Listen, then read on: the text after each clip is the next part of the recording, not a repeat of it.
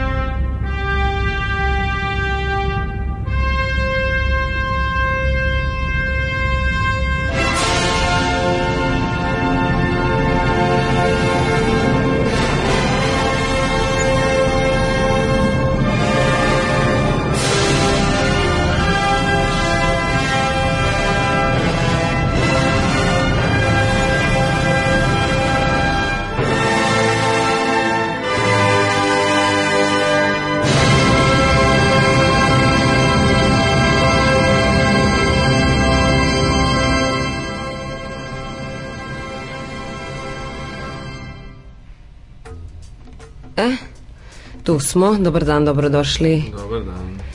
Um, šez, ne, 60, 57, 8, 60. Tu je Tu negde, smo. morat ćemo da proverimo. Morat ćemo da proverimo te, te brojke. E, nova epizoda Radio Galaksije. U svakom slučaju, dosta dobro napredujemo. Dobro, dobro, na, dobro nam ide. Samo još da pogodim koji je tvoj mikrofon. Jedan od mikrofona. Da, da. Dobro, ovaj. To je jedna neodređenost. Da, da, to je potpuno neodređeno, ali dobro, tu smo. U novoj epizodi imat ćete priliku da čujete neke najnovije vesti, zatim glavna tema će danas biti vrlo zanimljiva, poreklo mentalnih fenomena, klasični ili kvantni svet. I naravno poslednja rubrika, ona standardna, jedan pisac, jedna knjiga, ali to za jedno sat i po, tako možda malo jače, da ne kažem više. Milane, kako ste vi? Pa, poturio se nekad Nekad vi, nekad ti, na opuštenost. nekad vas dođe Poturio više, nekad došlo budeš sam. Proleće jeste, a tu je i naca. Tereza i dalje tu prisutna. Naravno, sad je otišla. Je li otišla? E, dobro, Jeste. otišla da vidi šta ima napolju. Tačno. E, pa dobro, kakve si nam vesti spremio? E, da, Šta se da. dešava?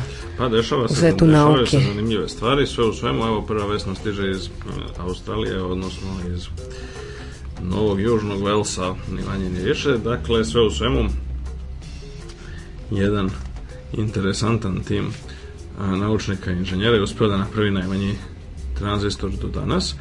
I kako stoje stvari ovo je pok- pokazano, demonstrirali su da se tranzistor može napraviti od svega sedam atoma Dakle, sedam atoma su, je, je dovoljno bilo da se napravi tranzistor, kako saopštava a, ovaj tim na čelu sa profesorkom Michelle Simmons sa Univerziteta Novog Južnog Velsa, m, je zapravo, to je apsolutno najmanji za sada elektronski uređaj ikada napravljen, a, a kako stoje stvari, znači to je deo jednog generalnog projekta u okviru nanotehnologije, dakle te uzbudljive nove discipline koja e, ima sve izglede da ostvari jako veliki uticaj na tehnologiju, a boga mi i ljudsko društvo u celini u ovom veku. Tako da je, kako stoje stvari, novi atomski tranzistor koji, ako bi se mogao napraviti u serijski u većim količinama, Mhm. omogućio bi komponente otprilike oko dva reda veličine, znači oko stotinu puta manje nego na postojećim mikroprocesorima. Ali, da- aha, ali on ima sve sve o, kako se to kaže sve funkcije mu Jeste. on neophodne radi- za Naravno, emitovanje. mislim, za- naravno, to je zapravo, radi se o tome da je, znači, sve u svemu, znači on obavlja iste one, iste one funkcije takozvane kapije, jeli, odnosno tranzistorske kapije koje su dakle neophodne koje su koje koriste i klasični tranzistori koje su nekada vršile diode u neka stara vremena. E, sve u svemu, znači kako stoje stvari ova m, e, komponente su oko 22 nanometra veličine i oni očekuju da znači celokupna znači sa ulaznim i izlaznim e, spojevima znači da ta tranzistorska kapija bude oko 42 atoma s kraja na kraj. To je inače urađeno tako što je e, ubačeno na površinu silicijumskog kristala ubačeno je sedam atoma fosfora i oni su tako povezani da mogu da vrše odgovarajuće funkcije. I kako sad stvari stoje, mislim, to bi moglo da predstavlja novu re revoluciju u proizvodnji hardvera računarskog, a kako stoje stvari takođe ono što je značajno jeste da se istraživači nadaju da bi to moglo biti značajan korak ka proizvodnji kvantnih kompjutera zasnovanih na znači na fizici čvrstog stanja -hmm. i to je nešto na neki način nova vest je i, i dobra kao šlagvord za ono o čemu ćemo kasnije da govorimo u emisiji i između ostalog ove rezultati su objavljeni u, u časopisu Nature i u onom posebnom podlistku Nature Nanotechnology koji se odnosi na nanotehnologiju. Mm -hmm. A kad smo već kad, kad smo ovaj već kod raznih posledic, posledica i, te, i impakta koji ima tehnologija, sad evo jedne ovako mnogo dramatičnije vesti. E, kako stoje stvari kako saopštavaju jedan ovako međunarodni istraživački tim sa baziran uglavnom na univerzitetu u Alberti u univerzitetu Alberte u Edmontonu u saveznoj državi Alberti u Kanadi e, Boga mi, loše se piše polarnim medvedima, pošto da ne je klimatske promene kako stoje stvari su već uzrokovale dramatičan i nagli pad broja polarnih meda. Tako da to je prva studija koja je objavljena ove nedelje u časopisu Biological Conservation. Tako da izgleda da na, znači ovaj tim na čelu sa doktorom Peterom Molnarom zaključuje da je da su populacija polarnih medveda se suočava sa onim što se zove kritična tačka, mislim, ili tipping point, ispod koje ukoliko opadne je prosto malo verovatno da beli medvedi mogu uopšte da opstanu u prirodnoj sredini. I kako stoje stvari, oni su, to je proizvod višegodišnjeg rada koji ispituje, mislim, zove kako uticaj promjena klime na fiziologiju belih medveda, tako i njihovu ekologiju i koliko mnogo oni potomstva ostavljaju u svakoj narednoj generaciji, s obzirom na činjenicu da je kako da im je sve teže i teže, mislim, zove da nađu partnere zato što se za temperature koje se zagrevaju fragmentiraju led na površini mora i kao posljedica toga mislim je sve manje i manje puteva kojim različ populacije i grupe polarnih medveda oni uglavnom i žive jako izolovano mogu da dođu u kontakt jedni sa drugima. Hm. Tako da je kako stoje stvari, ovo je znači smanjenje površine leda pre svega na, jasno, jasno. na otvorenom okeanu dolazi uh, direktno u, ugrožava populaciju polarnih medveda. A, pošto se oko dve trećine malo više od dve trećine svetskih polarnih medveda nalazi u Kanadi. A, ovaj, ono je, kao što dr. Molnar saopštava, problem, jedan od delova problema jeste što je znači procena ugroženosti, mislim za polarnih medveda ne uzima u obzir ozbiljno klimatske promene, tako da a, je sugestija iz ove studije da se podhitno znači izvrši ponovna evaluacija ugroženosti ove ovako živopisne životinske vrste. Tako da kako stoje stvari dakle izgleda da, da, boga, da, se, ne, da, da, je kritična, kritična faza, mislim zove što se velik da tiče vrlo blizu, uh mhm. -huh. procenjuje se, mislim zove da je vrlo moguće da se izvesni taj kritični prag pređe, mislim zove u narednih nekoliko godina. To je dosta loša vest. Jeste, a pošto mislim da je ovako zaista bilo bi onako prilično tragično da dođe do situacije u kojoj polarni medvedi nestanu ili u najboljem slučaju mislim mogu da postoje samo u strogo kontrolisanim uslovima u zoološkim vrtovima. Ali to je jedna od vrlo nezgodnih posljedica klimatskih promjena, pošto je to jedna od vrsta koja najneposrednije zavisi od dosta finih stvari kao što je površina i čvrstina leda na otvorenom moru.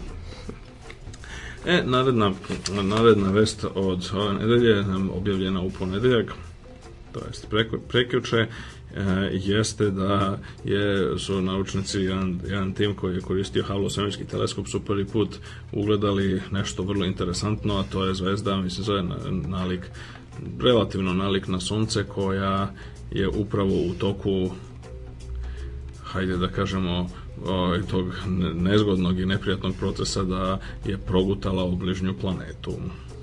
I jer od ranije se znalo da je znači da su bliske planete podložne tome da e, budu progutane posebno onda kada zvezda napusti normalnu zvezdanu evoluciju i pređe u fazu crvenog džina ili asimptotskog džina ili planetarne magline ili bilo koju od tih potonjih polaznih faza zvezdane evolucije. Mm, e, a kako stoje stvari ovo je prvi put da mi to otprilike smo u stanju da posmatramo direktno. E, planeta koja nosi privremenu nomenklaturnu oznaku VASP 12b e, kako stoje stvari ima, pre, ima preostalo je negde oko 10 miliona godina pre nego što bude potpuno progutana.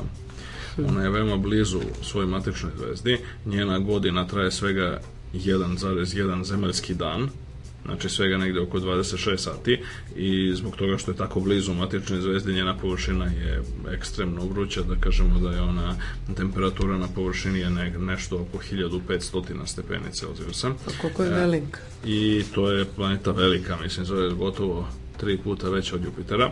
Mm, e, i kako stoje stvari ona, e, ona već sada je zbog tako visoke temperature izgubila normalnu atmosferu i ona neprestano prosipa znači materijal sa atmosfere a i sa površine planete pošto se radi o, o gasnom džinu sličnom Jupiteru se neprestano preliva mislim zove na zvezdu. I kako stoje stvari Mm, dakle ovaj tim na čelu, britanskih naučnika na čelu sa doktorkom Carolinom Haswell a, je saopštio da ono što se vidi je oblak materijala, zapravo ogroman oblak materijala koji je izbačen sa planete, mislim zove koji će biti, koji je postepeno biva uhvaćen i progutan od strane zvezde. I e, mogu čak i da se identifikuju hemijski elementi koje se koji se nalaze u tom oblaku koji su pre toga bili znači deo planetarne atmosfere i planetarne površine. Inače ona je zvezda je se nalazi otprilike oko 600 svetlosnih godina, nešto malo manje od 200 parseka u pravcu sadržaja kočijaša. E, otkrivena je ova egzoplaneta otkrivena prvi put 2008. a sada je detaljnije prostudirana i ustanovljeno je upravo ovo, a to je da je ona, što se kaže, odbrojava poslednje godine ili milione godina, hoću da budemo precizniji, pošto, pošto je Zavisi odakle se posmatra. već na tom ovaj već na, na tom putu da bude potpuno progutan. O, to je na neki način ono što verovatno čeka i planete sunčevog sistema, ali tek za nekih 5 do 6 milijardi godina kada sunce pređe u fazu asimptotskog džina, kada će unutrašnje planete Merkur i Venera svakako biti progutane, a da li će Zemlja? Pa to je dosta neizvesno pošto je pitanje to je pitanje greške od par procenata sunca, sunčevje mutači će se proširiti skoro do udaljenosti koju danas Zemlja ima od sunca, ali da li će preći tu granicu ili ne, ovaj, to ostaje da se vidi. Zapravo, skoro do udaljenosti koje Zemlja bude imala u tom trenutku, zato što će se Zemlja takođe malo pomeriti napolje sama od sebe, kao posljedica toga što će Sunce pre toga izgubiti jedan deo svoje mase, pa će se onda smanjiti njegova gravitaciono privlačenje, pa će se Zemlja malo udaljiti. E, u fazi asimptotskog džina sunce će se proširiti skoro do te tačke plus minus koji procenat za sada je nemoguće utvrditi da li će se granica omotača naći mislim zove se malo ovaj, malo, e, malo pre, ovaj, da će se završiti motač malo pre zemljene putanje ili malo iza. Tako da je, tako da je to ono što je nejasno za sada, a bit će postaće jasno kako se budu poboljšavale naše modeli i naša sposobnost da mm, znači praktično rešavamo te e, modele koje opisuju evoluciju sunca do u daleku budućnost. A, ono što je jasno jeste da će u svakom slučaju, znači ako ne bude nekog in, e, nekog intencionalnog upliva pre toga, mislim da je bilo od strane ljudi, bilo od strane, mislim, zove neke postljudske ili vanzemaljske civilizacije, zemlja će u svakom slučaju biti uništena zato što mhm. Će jednostavno čak i da je sunčeva motač ne proguta fizički, mislim, zove, ona će, sunce će biti zauzimati ono, više od trećine neba i bit će, mislim, zove, potpuno, potpuno sve na površini će biti potpuno spaljeno, a zemljina atmosfera će sigurno biti oduvana u svemir sa povećanjem temperature, tako da m, u tom kontekstu nije ovaj, sudbina ni malo prijatna, ali kao što rekao, do toga nas deli između 5 i 6 milijardi godina, te u tom smislu Sasvim ima dovoljno vremena da, vremena da se možda da nešto uradi ili ko zna već, mislim, da već neki buduće civilizacije mogu da nešto urade. E, kad smo već kod toga da bi se bilo šta uradilo u kosmosu, potrebno je pre svega znači, biti u stanju da nešto ovaj, odnesemo ili, ili prenesemo u kosmos, a za to za sada služa još uvek neki bi rekli nažalost samo klasične hemijske rakete. Jedna od njih je evo prosla Ariana 5 je proslavila svoj 50. let. Dakle u petak 21. maja je negde u oko 22 sata po srednjeevropskom vremenu je e, izvršen 50. let uspešni evropske rakete Ariana 5 iz kosmodroma Kuru u Franskoj Gijani koju koristi Evropska svemirska agencija ESA. E, dakle, od 1996. kada je ovaj tip Ariane razvijen, e, ona je postepeno evoluirala u vrlo pouzdano vozilo koje sad ima prilično značajnu ulogu što se tiče na tržištu raketa nosača otprilike oko polovine svetskih komercijalnih satelita, pre svega ovih za komunikacionih, se lansiraju preko Ariane i Evropska svemirska agencija uspešno tu ostvaruje, ostvaruje neki profit od jeli, lansiranja komercijalnih satelita, kao što su recimo čuveni SES Astra sateliti koji obezbeđuju broadband i televizijske usluge širom Evrope, Bliskog i Srednjeg istoka i Severne Afrike, kao recimo Comsat platforme koje recimo služe u Nemačkoj za obezbeđivanje navigacionih podataka i kao što su razni, razne druge meteorološke mm -hmm. i, i, i druge službe. Te u tom smislu reči je onako istorija Tarijane za sada prilično zadovoljavajući. E, dakle, najnoviji let ovaj koji je koji je obavljen u petak je ovaj, lansirao 5,4 tone veliki komunikacioni satelit i potom još jedan 2,5 tone veliki veliki satelit za navigaciju, te u tom smislu je to sve bilo ovako uspešno. Zvanični operator Ariana Space, tako se zove, je bio zadovoljan ovim lansiranjem, zato što je ono već odlegano tri puta od marta meseca do, do danas. Inače, raketa Ariana 5 nosi otprilike oko 10 tona korisnog tereta može da izbaci čak do geostacionarne orbite koja je, znači nije ova niska orbita u kojoj leti recimo Space Shuttle ili u kojoj se nalazi međunarodna svemirska stanica, nego ona visoka orbita m, e, oko 36.000 km iznad površine zemlje na kojoj se tela kreću oko zemlje tako da obrnu jedan krug za 24 sata, što će reći da se nalaze sinhrono, mm da se nalaze stalno iznad iste tačke na površini zemlje, što je naravno od ključnog značaja pre svega za komunikacione satelite da se nalaze stalno na istom mestu.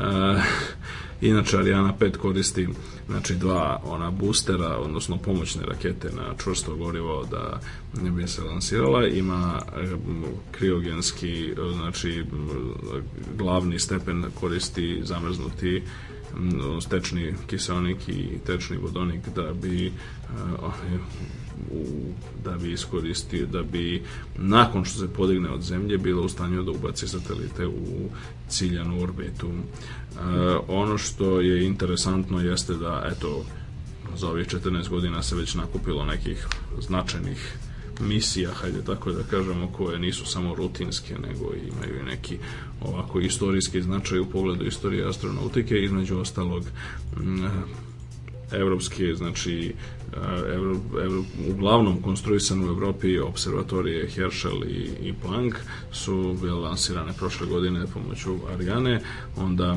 Envisat sat, satelit praktično čitav kompleks laboratorija, observatorija za posmatranje zemlje, pre svega geofizički i klimatološki, je 2002. godine lansiran pomoću Ariane, taj inače Envisat je jedan od najskupljih projekata koji u istoriji Evropske unije koja košta nešto više od 2 milijarde evra i e, naravno e, Jules Verne to je robotički, robotički modul koji snabdeva međunarodnu svemirsku stanicu 2008. godine on je inače težak više od 20 tona tako da je bila posebno modifikovana modifikovana raketa da bi bila u stanju da ga ponese a, a Znači, u toku ove godine se planira još šest lansiranja Ariane, uključujući i drugi, nakon ovog Žilverna, drugi e, teretni modul za međunarodnu svemirsku stanicu koji nosi ime Johan Kepler.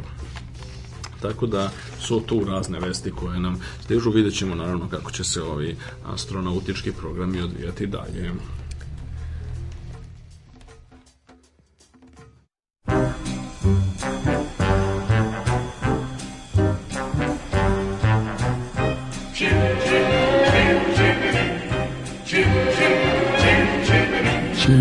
Jiminy Jim, Jiminy Jim, Jim Jaree.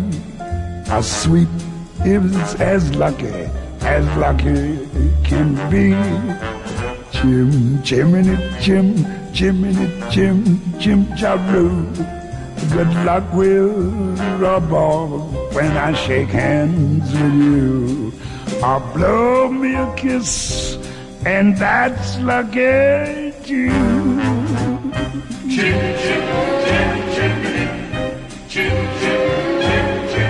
Now, as the ladder of life has been strung, you may think a sweet on the bottommost rung, though I spend my time in the ashes and that in this whole wide world there's no happier cat.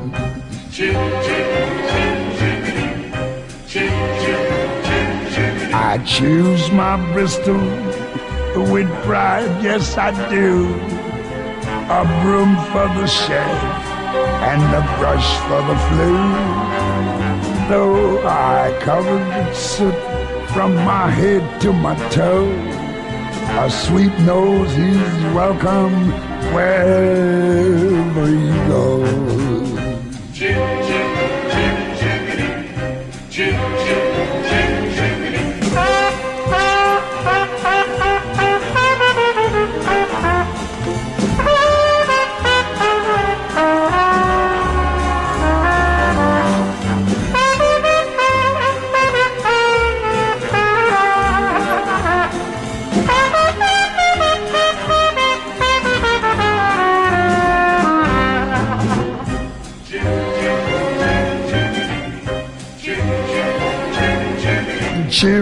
Jiminy Jim, Jiminy Jim, Jim Jaree. And you with a sweep, you are in good company. Nowhere there more happier crew than them that sings Chim Cham Chim Choo. Jiminy Jimmy, sure. Jerry.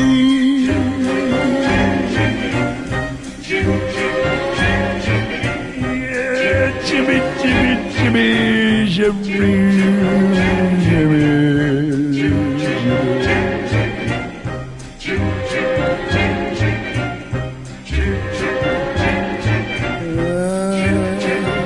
Jimmy, Jimmy, Jimmy.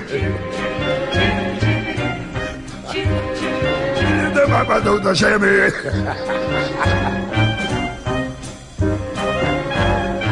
Jim, Jiminy Jim, Jiminy Jim, Jim Jareen.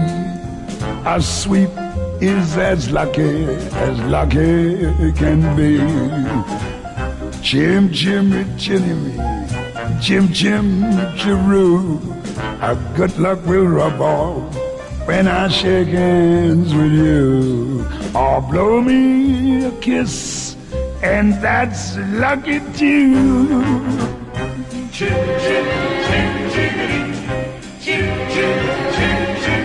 Now, as the ladder of life has been strung, you may think a sweeps on the bottom was wrong.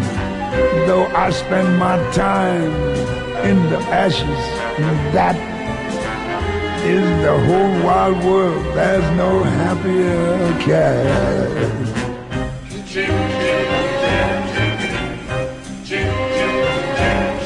I choose my bristle with pride, yes I do.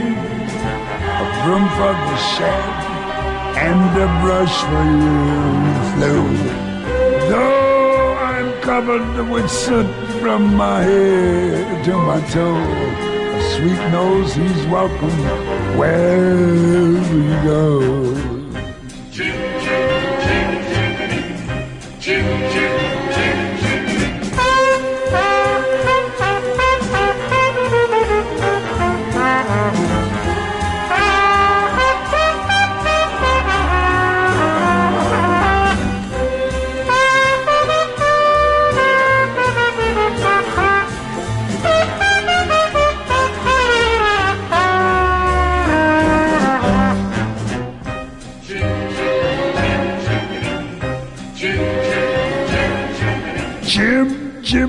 Jim, Jiminy Jim, Jerry.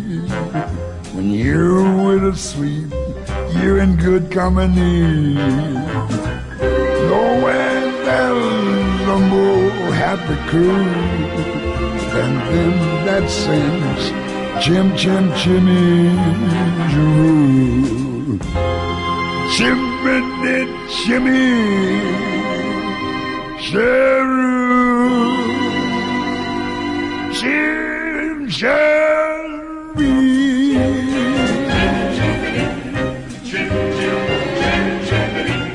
Jimmy, Jimmy, Jimmy, Jimmy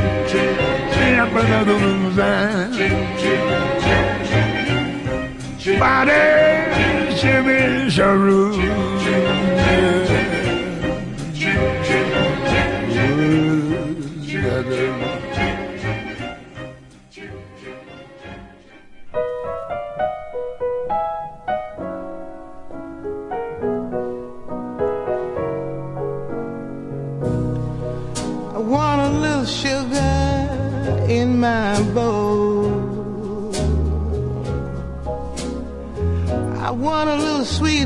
down in my soul. I could stand some loving, oh, so bad. I feel so funny, I feel so sad. I want a little steam on my clothes.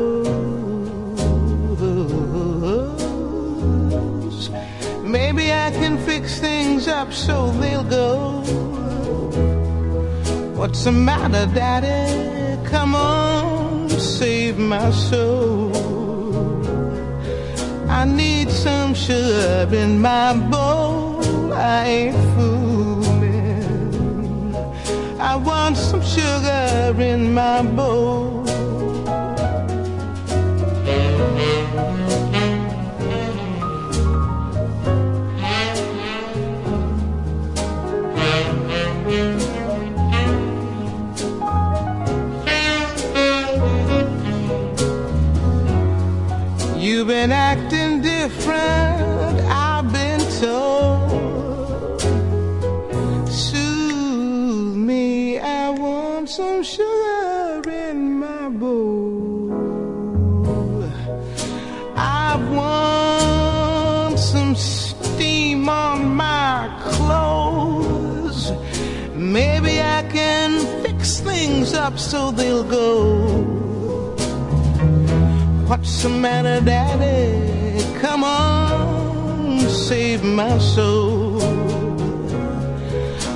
Want some sugar in my bowl. I ain't fooling. I want some sugar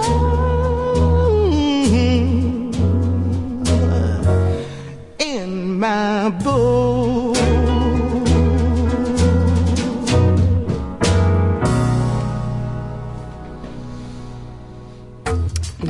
Bili su to Louis Armstrong i Nina Simon.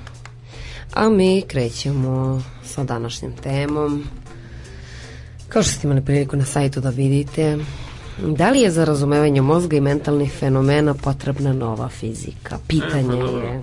Da, naravno. Ovaj, a sad pre svega, mislim, dakle, Mhm. prvo, e, jedna od razloga koji me je motivisao da predložim ovu temu jeste neobična vest koja neki način predstavlja i dobro, može se shvatiti kao nastavak vesti, ali takođe i kao uvod u ovu temu, a to je nešto što je pre negde otprilike dve nedelje, nešto malo jače, ovaj, je objavljeno a, takođe u časopisu Nature, a to je da je zapravo kako stoje stvari, istraživači su bili prilično začuđeni, hajde tako da se izrazim, time značajem koji kvantno-mehanička pojava koja nosi naziv entanglement ili u prevodu, mislim najboljem prevodu na srpski koji je sugerisao moj prijatelj i kolega Miroljub Dugić, verovatno naš ovako najbolji živi i aktivni kvantni fizičar je mm, znači najbolji prevod tog termina entanglement mu dođe spletenost. Pa da. Dakle, mm, e, fenomen kvantne spletenosti koji je onako posmatran kao jedna egzotična stvar u svetu elementarnih čestica uglavnom i na tom niskom mikronivou je, kako se ispostavlja, od ogromnog značaja i ne samo to, nego zadržava, zadržava se a, vrlo dugo i, e, i snažno u procesu fotosinteze. Naime, znači fotosinteza je nešto što je ne samo od suštinskog značaja za život na zemlji, pošto predstavlja osnovicu uopšte celokupnog lanca ishrane na planeti a, i ono čime biljke e, pretvaraju sunčevu energiju u hemijsku, a potom životinje i ljudi su u stanju da tu hemijsku energiju koriste jeli, da bi opstali. Mm, U tom smislu je mm, istraživanje fotosinteze jedno od ovako značajnih multidisciplinarnih poduhvata, hajde tako da kažem, koji se tiče gomile oblasti od ekologije do energetike od biologije do kvantne fizike, kvantne hemije i tako dalje. E, Dakle, sad jedan tim se iz a, Berkleya na čelu sa Grahamom Flemingom je ukazao da je način na koji se gotovo trenutno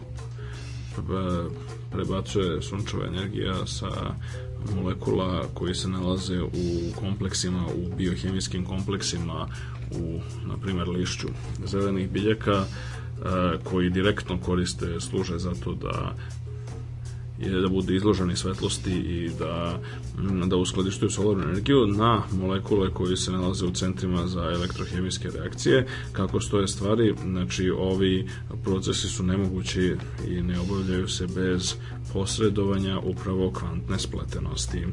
I sad to je bilo krajnje neočekivano otkriće, ako se ispostavi, dakle to je kažem jako novo, objavljeno 11. maja ove godine, e, ako se ispostavi da je to tako, to ima značajne implikacije ne samo za pokušaje razvijanja veštačke fotosinteze koji već dosta dugo traju i još uvek nisu bili uspešni, a za koje ljudi očekuju da bi mogli da poboljšaju efikasnost korišćenja solarne energije zato što pre svega zato što su ove konvencionalne neorganske fotoćelije jako neefikasne.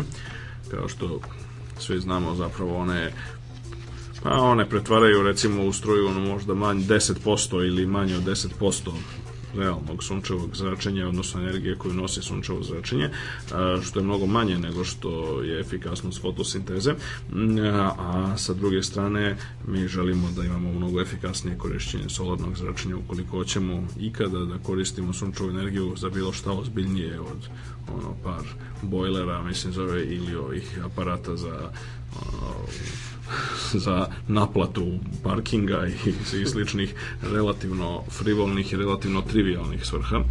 A, dakle, akoliko hoće da se koristi za ozbiljne stvari, onda je neophodno povećati efikasnost korišćenja e, solarne energije i jedan od ciljeva istraže pokušaja da se uspod da se napravi veštačka fotosinteza je upravo to.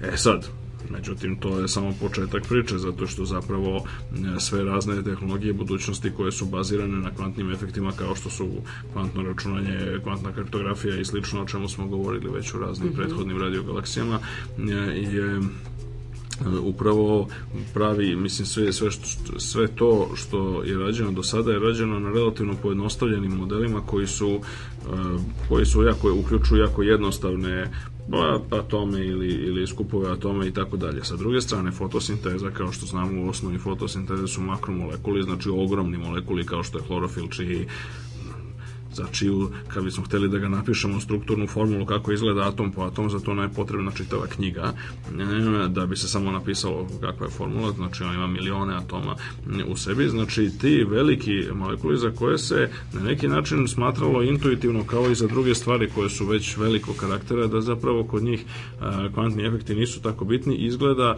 da za divno čudo za divno čudo spletenost nije jedna tako egzotična i krhka pojava koja se možda sad pomene samo na trenutak, nego izgleda da je a, postoji i ne samo što postoji, nego opstaje, mislim zove čak i u tako haotičnim uslovima kao što su biološki sistemi koji prvo imaju jako veliki šum koji potiče od temperature pre svega.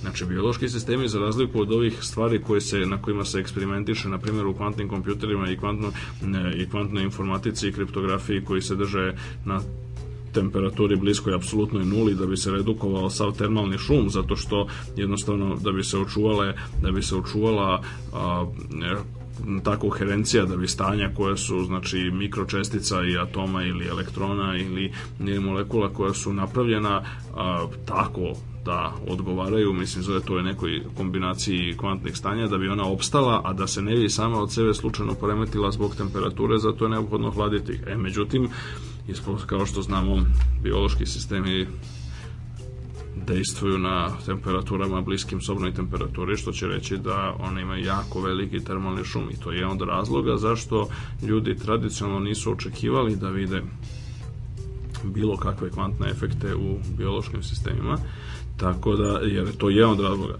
Drugi razlog jeste što su naravno te stvari jako velike, znači struktura, znači proteini, pre svega proteini, ali i drugi molekuli koji su relevantni za hemijsku strukturu živih bića i živih organizama su ogromni i ishodno tome onda bi ljudi očekivali da kao i kod drugih velikih struktura koje su na pola puta do, do makroskopskog nivoa našeg svakodnevnog života zapravo se tu izgube ti sitni mali kvantni efekti koji su karakteristični za mikrosvet. E, međutim, kako stoje stvari?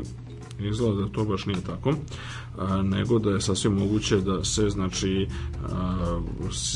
kvantni efekti održe i na tom nekom nivou koji je nivo makromolekula, znači negde između mikroskopskog i našeg svakodnevnog života. A, ono što je zanimljivo jeste znači da u konkretnoj studiji, mislim da oni su se bavili nečime što se zove poznato pod skraćenicom FMO od njegovih otkrivača Fena Matthews Olson, to je protein fotosintetički koji veliki molekularni kompleks koji postoji u zelenim bakterijama i koji je model sistem za transfer energije u fotosintezi zato što se sadrži svega sedam svega sedam, to je znači kompleks od svega sedam makromolekula čija je hemija dosta dobro proučena, što je mnogo jednostavnije nego fotosinteza kod recimo naprednih biljaka kao što je recimo ne znam voće, povrće i slične stvari. Znači moramo počnemo opet sa najjednostavnijima. Najjednostavnije su zelene bakterije znači one vrste bakterija koje vrše fotosintezu.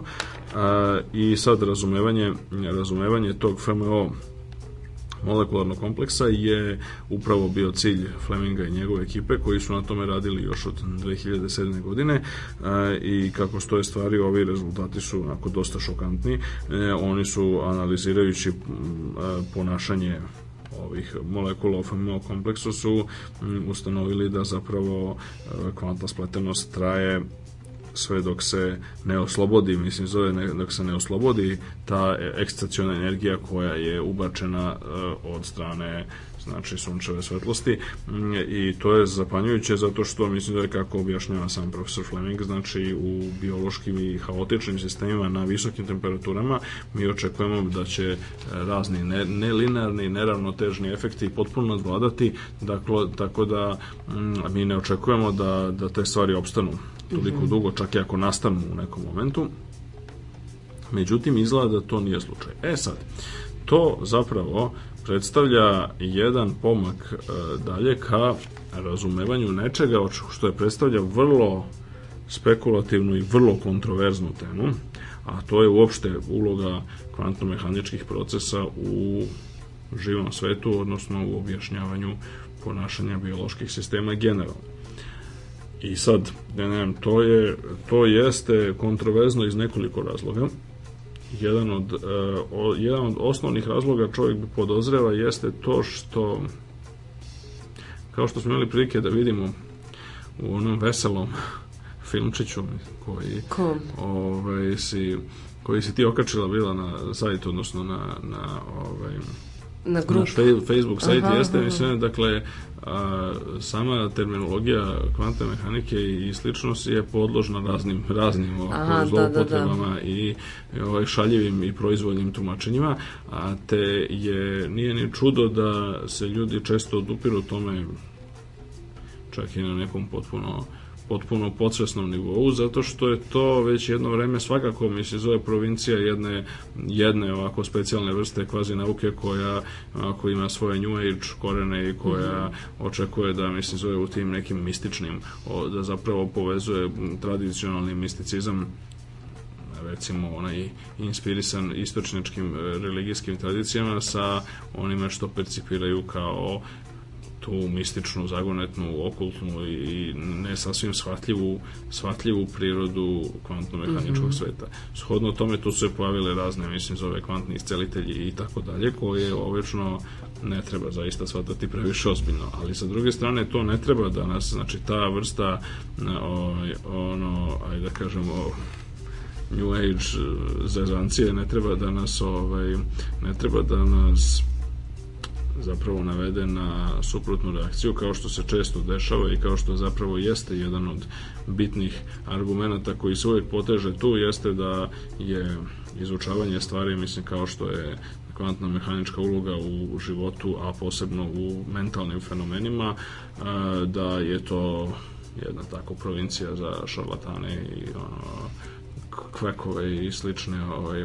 alter, alternativne naučnike, kako se to ponekad lepo kaže. E, međutim, e, ima razni, znači, zloupotrebe te vrste su, mislim, zove prilično česte, čak i onako, u, čak i u nekim relativno ozbiljnijim kontekstima, mislim, kao što je recimo knjiga Fritjofa Kapre, mm -hmm. poznata knjiga Tao fizike, a, koja je doživjela bezbroj izdanja i koja je onako što se kaže jedno jedan od ono ovaj stubova ajde da kažemo te new age new age interpretacije mm -hmm. savremene fizike e, u, koja je dosta dobro napisana ima tamo dosta ovako ima, ima dosta mudrih i pametnih stvari tamo, ali generalno ta tendencija i ideja da je zapravo a, kvantna mehanika, mehanika na neki način se spaja i potvrđuje e, mistično iskustvo, posebno ono hinduizma, taoizma i budizma, ovaj, je ovako, sama po sebi nešto što čim ne može ništa da se uradi, mislim da kažemo i što, i što definitivno spada u pseudonauku.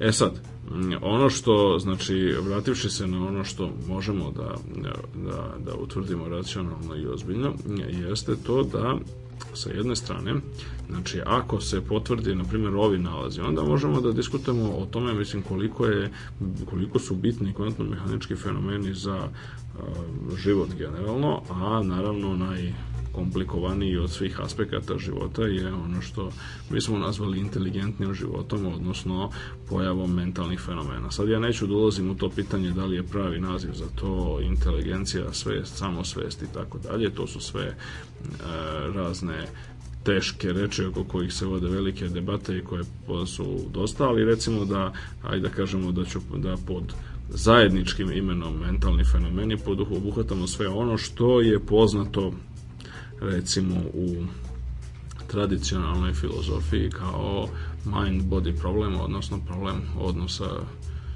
uma i tela ili duha i materije ili kako god.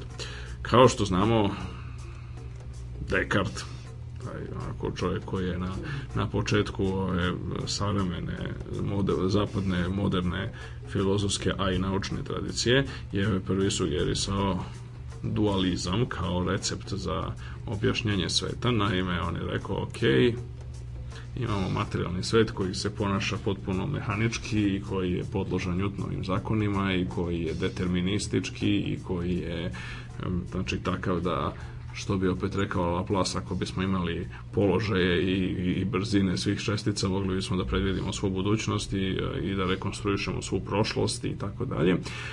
Sa druge strane, Descartes je priznavao da postoji, znači on je insistirao na tome, postoji drugi svet koji je nematerijalan, znači svet uma ili duha koji je znači nezavisan od toga i sad sa izuzetkom iz toga, inače mi kao i sve drugo funkcioniše potpuno na potpuno automatskim mehaničkim principima. I sad taj dekartovski kartezijanski dualizam je nešto što na neki način prožima celokupnu ovaj, misao, bar evropsku i, i filozofsku i naučnu tokom ovih, ovih nekih eto, 400 godina otprilike koliko je prošlo od Dekarta a, i na neki način je, je on i dalje nekakva default pozicija u odnosu na koje se bilo kakav drugi stav o tome određuje. Ono što je ono što je jasno jeste da postoji sa druge strane u, s obzirom na značajne uspehe redukcionizma mm -hmm. u deve, posebno u 19. veku kada su ljudi shvatili da se mnoge stvari koje su bile misteriozne potpuno kao što su na primer u materijalnim sredinama posebno gasovima, temperatura, pritisak, gustina i tako mogu svesti na interakcije među atomima, kao što su sugerisali davno još Demokrit, Epikur i njihovi sledbenici. A, dakle, kada smo shvatili da je temperatura zapravo izraz samokretanja atoma i molekula, kada smo shvatili da su, ne znam, elektricitet i magnetizam odraz kretanja i interakcija među elektronima i drugim elementarnim česticama i tome i tako dalje i tome slično. Znači u suštini veliki uspesi redukcionizma su naveli ljude da razmišljaju o tome da bi se i mentalni fenomeni ultimativno mogli ako bismo imali bolje razumevanje svesti na neke druge jednostavnije fenomene koji bi onda omogućili da se taj kartezijanski dualizam prevaziđe, odnosno da imamo, ajde da kažemo tako, jedinstveno objašnjenje i mentalnih fenomena unut, u okviru materijalnog sveta.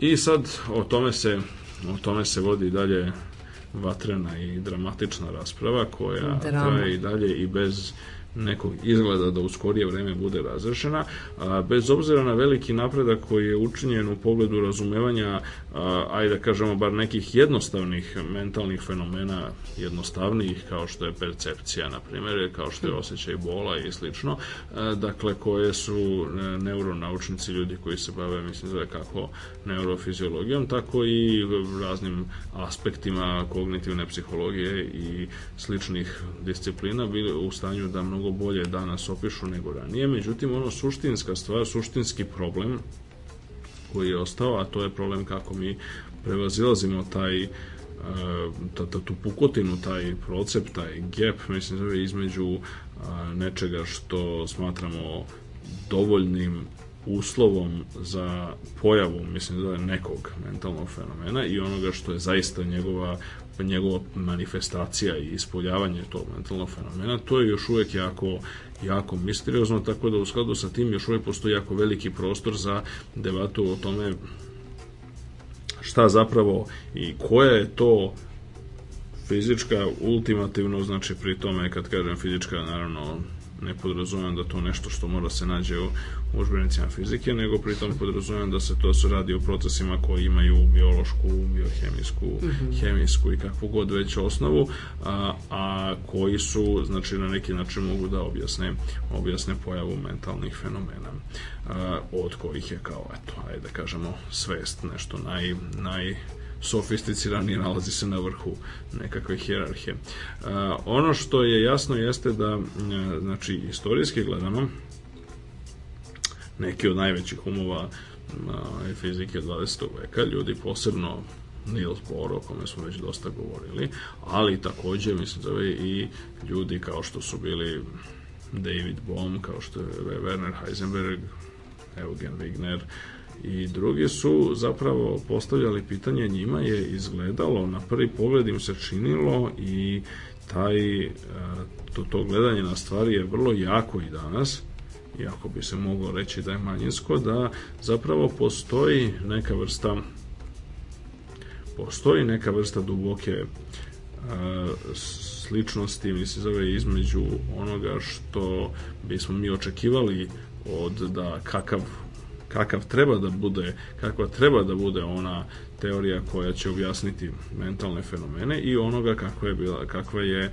kvantna mehanika koja koju su upravo oni sami dali najveći doprinos. Jedan od razloga, mislim, zove, jeste što se od samog početka, naročito u takozvanoj kopenhagenskoj interpretaciji kvantne mehanike insistira da zapravo fenomeni o kojima se radi, čak i laboratorijski fenomeni, su oni koji moraju uključivati postojanje posmatrača. I to je jedna od e, to je to je ključna ključni razlog zašto uprkos tome što eto kažem empirijskih dokaza za ulogu kvantne mehanike u e, mentalnim fenomenima i generalno nema u živim fenomenima takođe nije bilo evo sve do ovih najnovijih evo sad recimo ovo otkriće u vezi sa fotosintezom može donekle da promeni tu situaciju, ali uprkos tome postoji jaka i vrlo uporna i čvrsta tradicija e, ideja koje vezuju poreklo i bioloških, a i mentalnih fenomena sa kvantno-mehaničkim efektima. A, I a, e, zašto je to tako? Pa zato što u najjednostavnije, opet kažem, u onoj kopenhagenskoj interpretaciji koja se standardno uči po školama, zapravo rezultati merenja su rezultati posmatranja. Za posmatranje je neophodno postojanje posmatrača.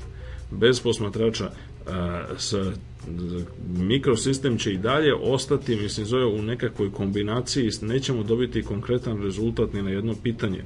On će ostati u nekoj vrsti a, kombinacije različitih stanja, odnosno neće doći do onoga što se zove kolaps talasne funkcije i do toga da nam bilo koji eksperiment da konkretan odgovor. E, to je A, po uh mhm. -huh. kopenhagenskoj interpretaciji to je ono što znači posmatrač je taj na neki na ovaj ili onaj način sad bez obzira kako to zvučalo kod nekih kod nekih tumača mislim zove i kod nekih ovaj zagovornika kopenhagenske interpretacije to ima ovako to zvuči ovako čudnije i bizarnije. U kom obliku je posmatrač? Mislim... Pa u bilo kom. Sad, da li je to, mislim, sad to, je, to jeste jedna od stvari koja je nejasna u tome jeste da li je da li je to da li je neophodno ko zapravo mislim zove se kvalifikuje hajde mm -hmm. tako da kažem da da se posma, da se računa kao posmatrač. A najbolja, da najbolja je, ilustracija je najbolja ilustracija je tradicionalni eksperiment sa Schrödingerovom mačkom, misalni eksperiment. Dakle, Schrödingera mačka se nalazi u je dovedena u zatvorenom kontejneru u takvo stanje da postoji određena verovatnoća da je mačka živa, određena verovatnoća da je mačka mrtva. To bismo mi rekli. Pošto mi verujemo da u skladu sa našim klasičnim predstavama da je moguće samo jedno od ta dva stanja ali to je zbog toga što je naš svet, makroskopski svet našeg iskustva u koji između ostalog spadaju i mačke a, jako nelinaran. A, I zbog toga mislim mi verujemo da postoji samo jedna a, postoji samo jedno rešenje takvih problema, odnosno takvih pitanja, a ne verujemo da nekakva linearna kombinacija rešenja, mislim, zove takođe daje rešenje. Što je potpuno drastično i dramatično suprotno od situacije koju imamo u kvantnoj fizici u mikrosvetu, gde ako je A rešenje problema i B takođe rešenje problema, onda bilo koja linearna kombinacija tipa 3 puta A minus 21 put B je takođe rešenje istog tog problema i a, shodno tome a, za kvantni mikroskopski svet, stanje u kome je mačka recimo jedna polovina puta živa plus jedna polovina puta mrtva je sasvim pojednostavljeno krajnje. Zapravo trebalo bi da bude jedan kroz koren iz dva, nije bitno, sad da, se zove, ima nekih normalizacionih faktora, ali je, ta, je potpuno legitimno stanje. E sad, kako se ono preslikava u, u makrosvet? Pa odgovor je to niko ne zna. Zašto? Zato što kada je onako kako bi Niels Bohr i njegovi učenici, znači Kopenhagenška škola interpretirali taj događaj, mi zapravo mačka jeste u tom stanju u tom linearnom stanju, mislim zove pola živa i pola mrtva, sve dok mi ne otvorimo dok mi ne otvorimo taj sanduk, e kada otvorimo taj sanduk mi ćemo videti da je mačka ili živa ili mrtva u stvarnosti, odnosno mi ćemo izazvati kolaps talasne funkcije koja je pre toga bila neodređena u jedno od ta dva određena stanja. Znači, a ko to radi? Pa to radi posmatrač. Znači, onaj koji otvori, mislim, zove sanduk i koji pogleda, mislim, zove šta se tačno nalazi u to. I ishodno tome, znači, sad, to, ta, moramo razumeti da ta borova interpretacija nešto što je savršeno dobro funkcioniše s obzirom na ishode svih merenja. Znači, svi mogući pokušaj, recimo prvo Einsteina, posle i drugih da obore e, tu vrstu borovog subjektivističkog pristupa stvarima su se završili neuspehom. Svi eksperimenti su potvrdili predviđanja ortodoksne, klasične, a to zapravo znači borove, odnosno kopenhagenške kvantne mehanike sa proizvoljno visokom tačnošću. Tako to funkcioniše. Sa druge strane, mnogi ljudi normalno da teško prihvataju ideju da a, zaista kad nema posmatrača onda nema ni fenomena.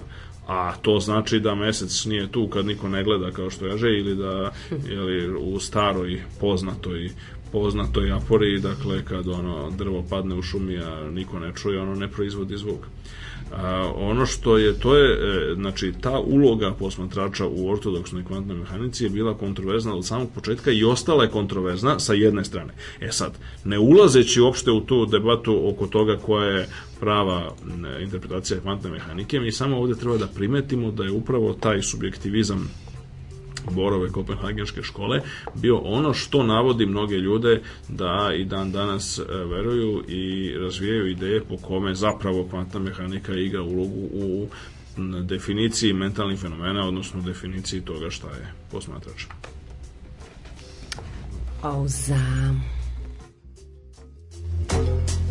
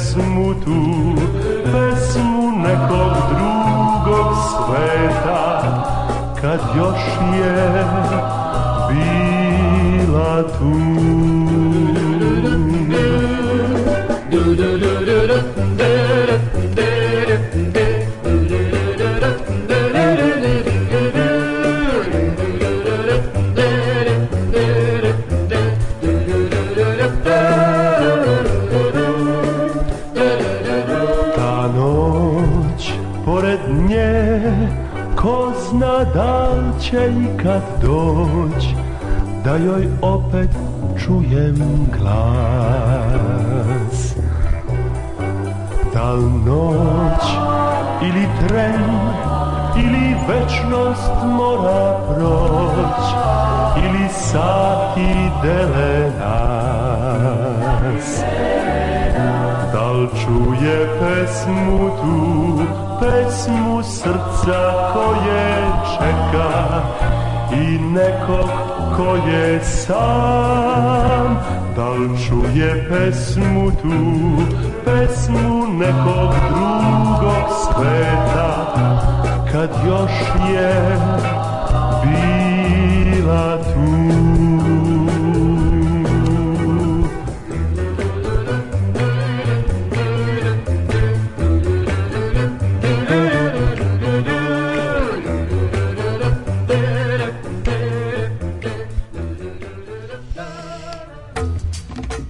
Da, da, da, evo sad ćemo, sad ćemo ponovo da, mislim sad ćemo nastavimo samo Jeste, u... jeste. E sad, pre nego što nastavimo, etru. Samo da jednu stvar mislim mm da raščistimo, a to je ovaj, zapravo da ukratko, mislim, zove Blitz Blitz ovaj, objašnjenje šta je zapravo kvantna spletenost, pa Mhm. odgovor je vrlo jednostavan, znači kada kada neke čestice se nađu u nekakvom stanju, znači recimo najjednostavniji primjer su takozvani EPR parovi, a EPR je skraćenica od Einstein, Podolski, Rosen, odnosno Einstein njegova dva saradnika, mislim zove Boris Podolski i Nathan Rosen, koji su a, predložili tamo od 1935. 6. 7. e, taj e, misaoni eksperiment u to doba, a danas više nije misaoni, odnosno prestao je da bude misaoni prije izvjesnog vremena, pošto je po danas moguće preparirati po volji te takozvane EPR parove, zamislimo recimo neki mikrosistem jezgro atoma koje emituje dve čestice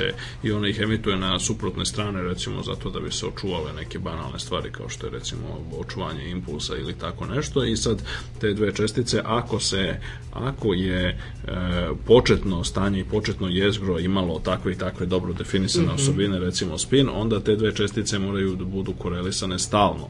I one su to stalno a to znači mislim da one ostaju jedan kvantni sistem bez obzira što se udaljujući se od tog jezgra mogu naći ako čekamo dovoljno dugo recimo u različitim galaksijama ili tako nešto. Znači mi imamo primjer nečega što je makroskopski fenomen zato što očigledno da one mogu da se udalje na makroskopski velike udaljenosti, a koje i dalje manifestuje istu vrstu e, kvantno-mehaničkih mikroskopskih osobina. Znači mi čim uradimo, čim ura, odluka stvar bude još bizarnija odluka koja šta ćemo izmeriti na jednoj čestica automatski utiče mi se zove na osobine druge bez obzira gde se ona nalazila i zato se to i zove kvantna spletenost, zato što mislim zove one jednom kada se prepariraju u tom stanju, one ostaju jeli, spletene, mislim zove do Uvezane. u, u, uvezane jeli do, je, a, do je, jako dugo, da ne kažem do u beskonačnost. I ono što je Dok kad ih nešto ne prekine. ono što je jako čudno mislim zove u za svemu tome jeste što znači kažem to je dugo vremena bio misleni eksperiment od recimo negde kraja 70-ih početka 80-ih su počeli da se izvode takvi eksperimenti koji su potvrdili ta šokantna predviđanja kvantne mehanike koja se samo Einsteinu nisu ni malo svidela on je to smislio kao jedan destruktivni misleni eksperiment u cilju da podrije temelje kvantne mehanike ali se ispostavlja da ta neka sad neki bi rekli tako mistična okultna veza između čestica koje su nekada interagovale u prošlosti ostaje i dalje. Znači one zadržavaju, kako se to kaže, svoju koherenciju.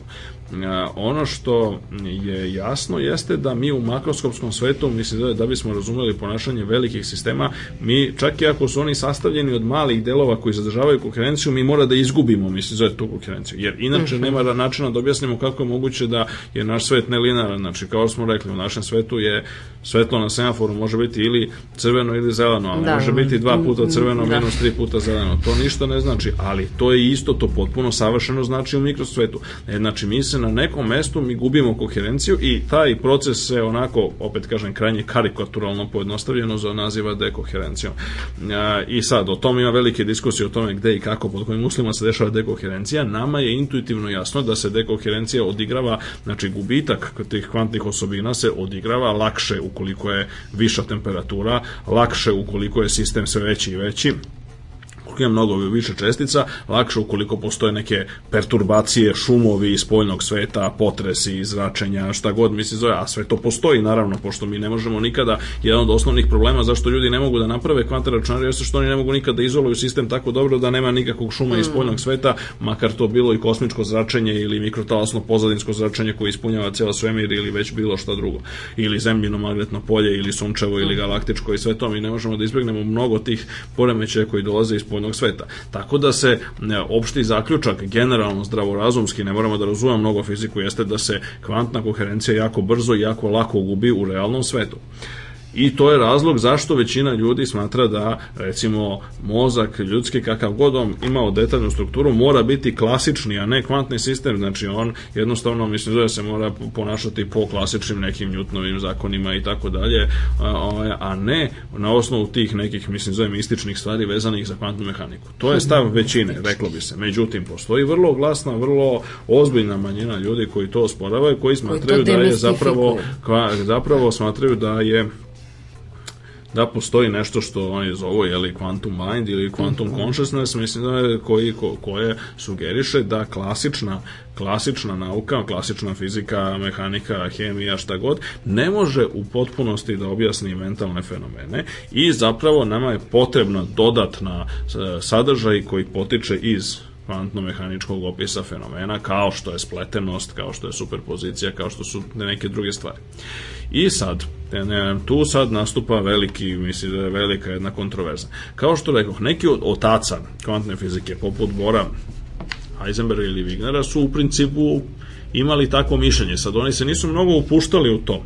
Oni su smatrali, Bor je smatrao, mislim, zove da je suštinski da je neophodno da kvantna mehanika objasni između ostalog i prirodu posmatrača, to jest nas, a, za, tako da je, ali se nije mnogo upuštao to. Recimo, jedan od ono, njegovih sledbenika i nastavljača, veliki mađarsko-američki fizičar Eugen Wigner, je otišao dalje i on je tvrdio, na primjer, otišao, on je, on je tvrdio da zapravo mi e, po znači po samoj prirodi stvari, znači samim tim što se mi oslanjamo u kvantnoj mehanici na termin posmatrača, mislim da mi je neophodno da bismo potpunosti razumeli, neophodno je da znači razrešimo taj mind body problem, odnosno problem jeli, odnosa duha i tela, odnosno problem ono što je centralno, neki bi rekli, pitanje filozofije od Dekarta na ovam.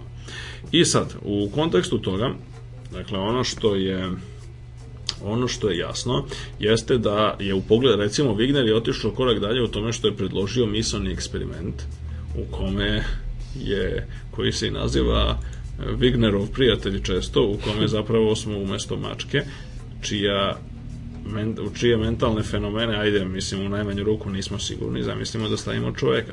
Sad, da li će čovjek biti u superpoziciji, da li će posmatrač koji se nalazi unutra, mislim, zove, koji, kako će on osjećati, kako će se on osjećati kad je u superpoziciji, odnosno mešavini dva stanja, mislim, zove, kad je kad bi trebalo da bude polu mrtav, mislim, zove se jedna polovina mrtav, a jedna polovina živ. I sad to na prvi pogled se čini paradoksalno. I sad sama činjenica da nam se to čini paradoksalno je na neki način Wigner je smatrao da mi treba da progutamo taj paradoks i da razumemo da zapravo kada bismo mogli sad naravno ima mnogo praktičnih razloga da što to ne može da, da izvrši, onda bi nam to osvetlilo zapravo duboku znači tu, tu hajde da kažemo nejasnu, difuznu, spletenu kvantno-mehaničku prirodu, mislim, zove same naše svesti.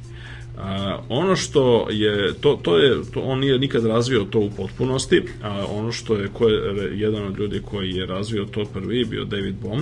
David Bohm je bio jedan onako interesantan čovjek onako vrlo ozbiljan i značajan fizičar koji je do duše s jedne strane sam voleo da bude na neki način smatran za odmetnika i čovjeka onako van mainstreama i onako alternativca da kažemo. I on je napisao nekoliko jako interesantnih knjiga u kojima je sugerisao da zapravo a, postoji nešto što je on zvao implicitni poredak ili implicitni red koja za, koji leži u temeljima i svesti i drugih mentalnih fenomena.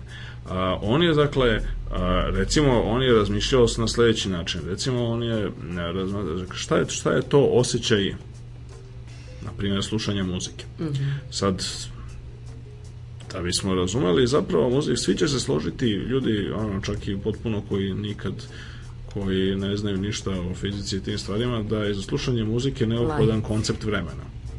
Jer koncept vremena je suštinski, e, pošto inače ako bismo imali samo trenutnu, ako bismo imali samo trenat, trenutnu senzaciju muzike, odnosno onog tona i onih tonova koji su trenutno sviraju, mm -hmm. onda mhm. svakako svi se slažu u tome da mi ne bismo bili u stanju da razumemo, mislim, zove bilo kako da imamo bilo kakvu predstavu o tome šta je muzička kompozicija, niti da razlikujemo različite muzičke kompozicije, da. niti da dajemo tako dalje. E sad, šta to znači? To znači da na neki način Bom je, na njegova interpretacija je bila, da zapravo e, to znači samo da naš osjećaj, naše iskustvo percipiranja muzike je e, izvučeno iz naše svesti o prošlosti i e, sad koliko dubokoj prošlosti to sad nije bitno mislim Dobro. zove, da kažemo da, neposrednoj prošlosti i a, da je da se to da se na, da se samo iskustvo može predstaviti kao istovremeno držanje mislim zove u umu negde mozgu sad je bio istovremeno i iskustva iz prošlosti, mislim zove i iskustva iz sadašnjosti. A, I sad, šta to tačno znači? Znači, ono, to znači da one tonovi, recimo, koji su bili koji su na neki način, koji su bili a, implicitni, a, koji su e, implicitno prisutni u sadašnjosti, znači ono koje tek počinjemo da razumemo, a sadašnjost postaje lagano prošlost, oni su, mislim, zove ono što smo eksplicitno čuli u neposrednoj prošlosti. Na taj način, mislim, zove se, a, ovaj, on je, e, znači, postoji nekakav poredak, aj tako da se izrazimo, a, na osnovu kojeg, mislim, zove, naša svest uređuje E, vreme, odnosno uređuje ono što se percipira u vremenu. I Bome smatrao da je upravo to, znači da je svest upravo ono što proističe, mislim zove iz tog impliciranog poredka.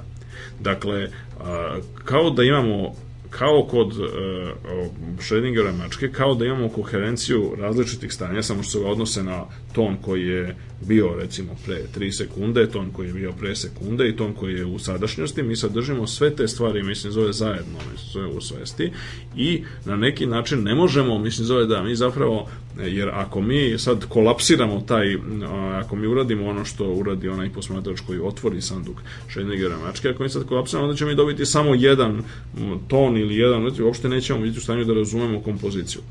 A, I tek razumevanje kompozicije, znači kao jedan je mentalni fenomen dakle doživljaj muzike kao mentalni fenomen zapravo zahteva istovremenu prisutnost mislim zove različitih stanja. A neko će reći mislim zove pa dobro, ali mi zapravo ne možemo da imamo ne možemo realno u jednom trenutku da imamo ta različita stanja. Zato što se ona, ona se isključuje ako mi čujemo, ako mi u ovom jednom trenutku, ako u sadašnjosti čujemo visok ton, to znači e, samim tim da ne možemo tvrditi da smo u sadašnjosti čuli istovremeno i nizak ton. Aj sad po- pojednostavimo krajnje, Dobro, da mislimo da. samo, mislim zove da imamo najjednostavnije. Znači, sve u svemu mi moramo da Moramo, držimo aha. u svesti različite međusobno isključive alternative, što je vrlo slično onome što imamo u kvantnoj mehanici, odnosno tamo gde imamo superpoziciju stanja kao što je slučaj sa, sa Schrödingerovom mačkom. A, Bohm je tvrdio da postoji i psihološki argumenti, mislim zove između ostalog, recimo on je citirao i koristio se radom Piageta, mislim zove koji se bavio recimo učenjem i razvojem dece. E, i recimo konkretno se dosta bavio o tome kako deca a, sagledavaju koncepte prostora i vremena, zato što su ona deo, mislim zove tog jednog ono, spoljnog sveta koji je na neki način mora da bude, znači da li, su, da li je to ono nešto što je hardwired, što bi rekao Chomsky, mislim zove, dakle neposredno prisutno u samoj konstituciji, neuro, neurofiziološkoj konstituciji mozga ili ne. I sad on je, on je zapravo sugerisao da on, on nije, a, Bohm nije hteo, nije mogao da objasni, sam je priznavao na koji način, mislim, zove taj implicitni red, mislim, zove nastaje u mozgu koji je, znači, koji su sa to mehanizmi, ali je tvrdio da je to značajno baš upravo zbog toga što predstavlja analogiju, znači neki način mi, ono, hajde da kažemo, spoznajemo slično sličnim, odnosno, e, dakle, stvarni svet spoznajemo na, neki, e, na osnovu toga što u našem umu postoje ekvivalenti kvantno-mehaničkih fenomena koji upravljaju realno stvarnim svetom. I to je bila, mislim, zove prva i ta, ajde da kažemo, neka najstarija 1950. godina najstarija od kvantnih, ajde da kažemo, teorija ili hipoteza o svesti. Kasnije su se pojavile i razne druge, mislim, zove, recimo, ima ih, ima ih mnogo, ima neki koji su onako manje ili više razvijene. Recimo, poznati američki savremeni filozof, analitički David Chalmers je u nekoliko svojih knjiga sugerisao da m, zapravo je isto to, odnosno da su mentalni fenomeni neki način um, povezani sa kvantno-mehaničkim fenomenima kroz nešto što je on nazivao interakcionizam, odnosno smatrao je da znači uh, sve stanja, stanja, mentalna stanja, stanja svesti su, moraju biti na neki način korelisana sa ukupnim kvantnim stanjem sistema uz nekakve dodatne uslove koji kažu, mislim zove da uz neki dodatni uslov koji kaže da a, mentalni fenomeni a, sami po sebi, mislim zove neće znači neće biti superponirani, odnosno mi nećemo istovremeno videti i Schrödingerovu mačku i živu i mrtvu. E sad, to je već jedan korak dalje, to je neki način korak dalje od onoga što su i Wigner i, Bohm smatrali, zato što je, je znači, mi moramo da, moramo da imamo još nešto, moramo da imamo još neki psihofizički selekcioni efekat kakav god koji će nas sprečiti zapravo da vidimo realnost onakva kakva jeste, mislim, na kvantno-mehaničkom nivou. Mi ne vidimo uh, Schrödingerovu mačku da bude da je istovremeno pola živa, pola mrtva, ne zato što, mislim, da ona nije takva, nego naprotiv, zato što kvantna mehanika jeste ispravna, ali uh, mi imamo mehanizam naš koji će nas sprečiti da to vidimo, odnosno koji na neki način isključuje takva mentalna stanja u kojima mi vidimo superpoziciju različitih stvari i koje se međusobno isključuju u našem makroskopskom svetu. Drugim rečima, mislim da Chalmers je zapravo sugerisao da treba da odemo korak dalje, treba da verujemo zaista, mislim, zove u ispravnost, u najbukvalnijem smislu reči i u ispravnost i primenjivost tog neobičnog, mističnog, čudnog, kvantno-mehaničkog sveta na svakodnevni život, samo što je razlika u odnosu na to ono što mi percipiramo jeste upravo ono, znači ta, ono što ostaje e, kad mi oduzmemo, mislim, zove, znači razlika između stvarnosti koja je kvantno-mehanička i naše percepcije je ono što zapravo čini, što, što ona, onaj skup funkcija koja vrši naš mozak, odnosno gde god se gde god se menta, kako god se mentalni fenomeni zaista i gde god se nalazili. A, najpoznatija, verovatno, naj, najpoznatija od kvantno-mehaničkih teorija svesti je ona koju su sugerisali a, veliki matematičar, fizičar, popularizator nauke, kosmolog, šta sve ne, Sir Roger Penrose e, i njegov dugogodišnji saradnik, originalno anestezijolog sa Univerziteta u Arizoni, Stuart Hemeroff, koji su, međutim, se e, u potpunosti čovjek posvetio e, ispitanju porekla mentalnih fenomena i Hemeroff je inače vrlo interesantan lik, generalno vrlo živopisan ovako, jedan, jedan sjajan i ovako predavač, popularizator nauke i čovjek koji se, koji se jako mnogo ovaj, bavi ovim stvarima, on je znači rodio se 1947. u, u Buffalo i radio je dugo vremena znači, u raznim medicinskim, znači studirao je medicinu i doktorirao i postao profesor u, u Arizoni na, na fakultu oceku za anestezijologiju i neuropsihologiju i međutim od 1999. godine se se bavi pitanjem bavio se pre toga raznim stvarima, mislim zove kao što su pitanjem nastanka raka i tako dalje, e, ali onda je između ostalog motivisan time bio zainteresovao za ulogu koje or, takozvane mikrotubule, odnosno to su mali organeli, organele delovi skeleta ćelije imaju u ćelijskoj deobi i posebno, mislim, zove kako mikrotubule koje se pojavljuju u neuronima, pošto su neuroni, mislim, zove ipak specifični u odnosu na većinu drugih ćelija, uh -huh. kako, kakva je, znači, kakva je njihova uloga u onim procesima koje neuroni obavljaju.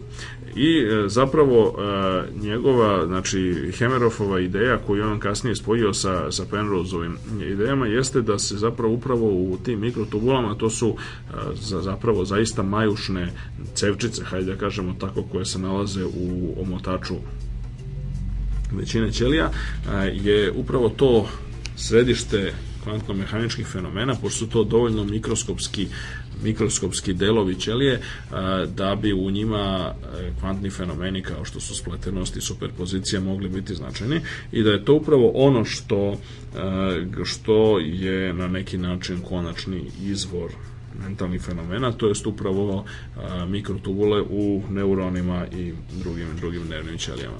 A, sad, nezavisno od toga, potpuno nezavisno od Hemerofa koji inače hiljadu, on je prvi put još 1987. je objavio jednu knjigu pod naslovom Konač Ultim, Ultimate Computing, odnosno je konačno računanje, gde je, koja se zapravo ne bavi računarima, nego se bavi je upravo e, strukturom neurona a nezavisno od njega, e, 1989. se Roger Penrose objavio svoju čuvenu knjigu Carev novi um on Emperor's New Mind, koja je postala jedna od najkontroverznijih naučnih knjiga onako novijeg doba, poslednjih decenija širom sveta.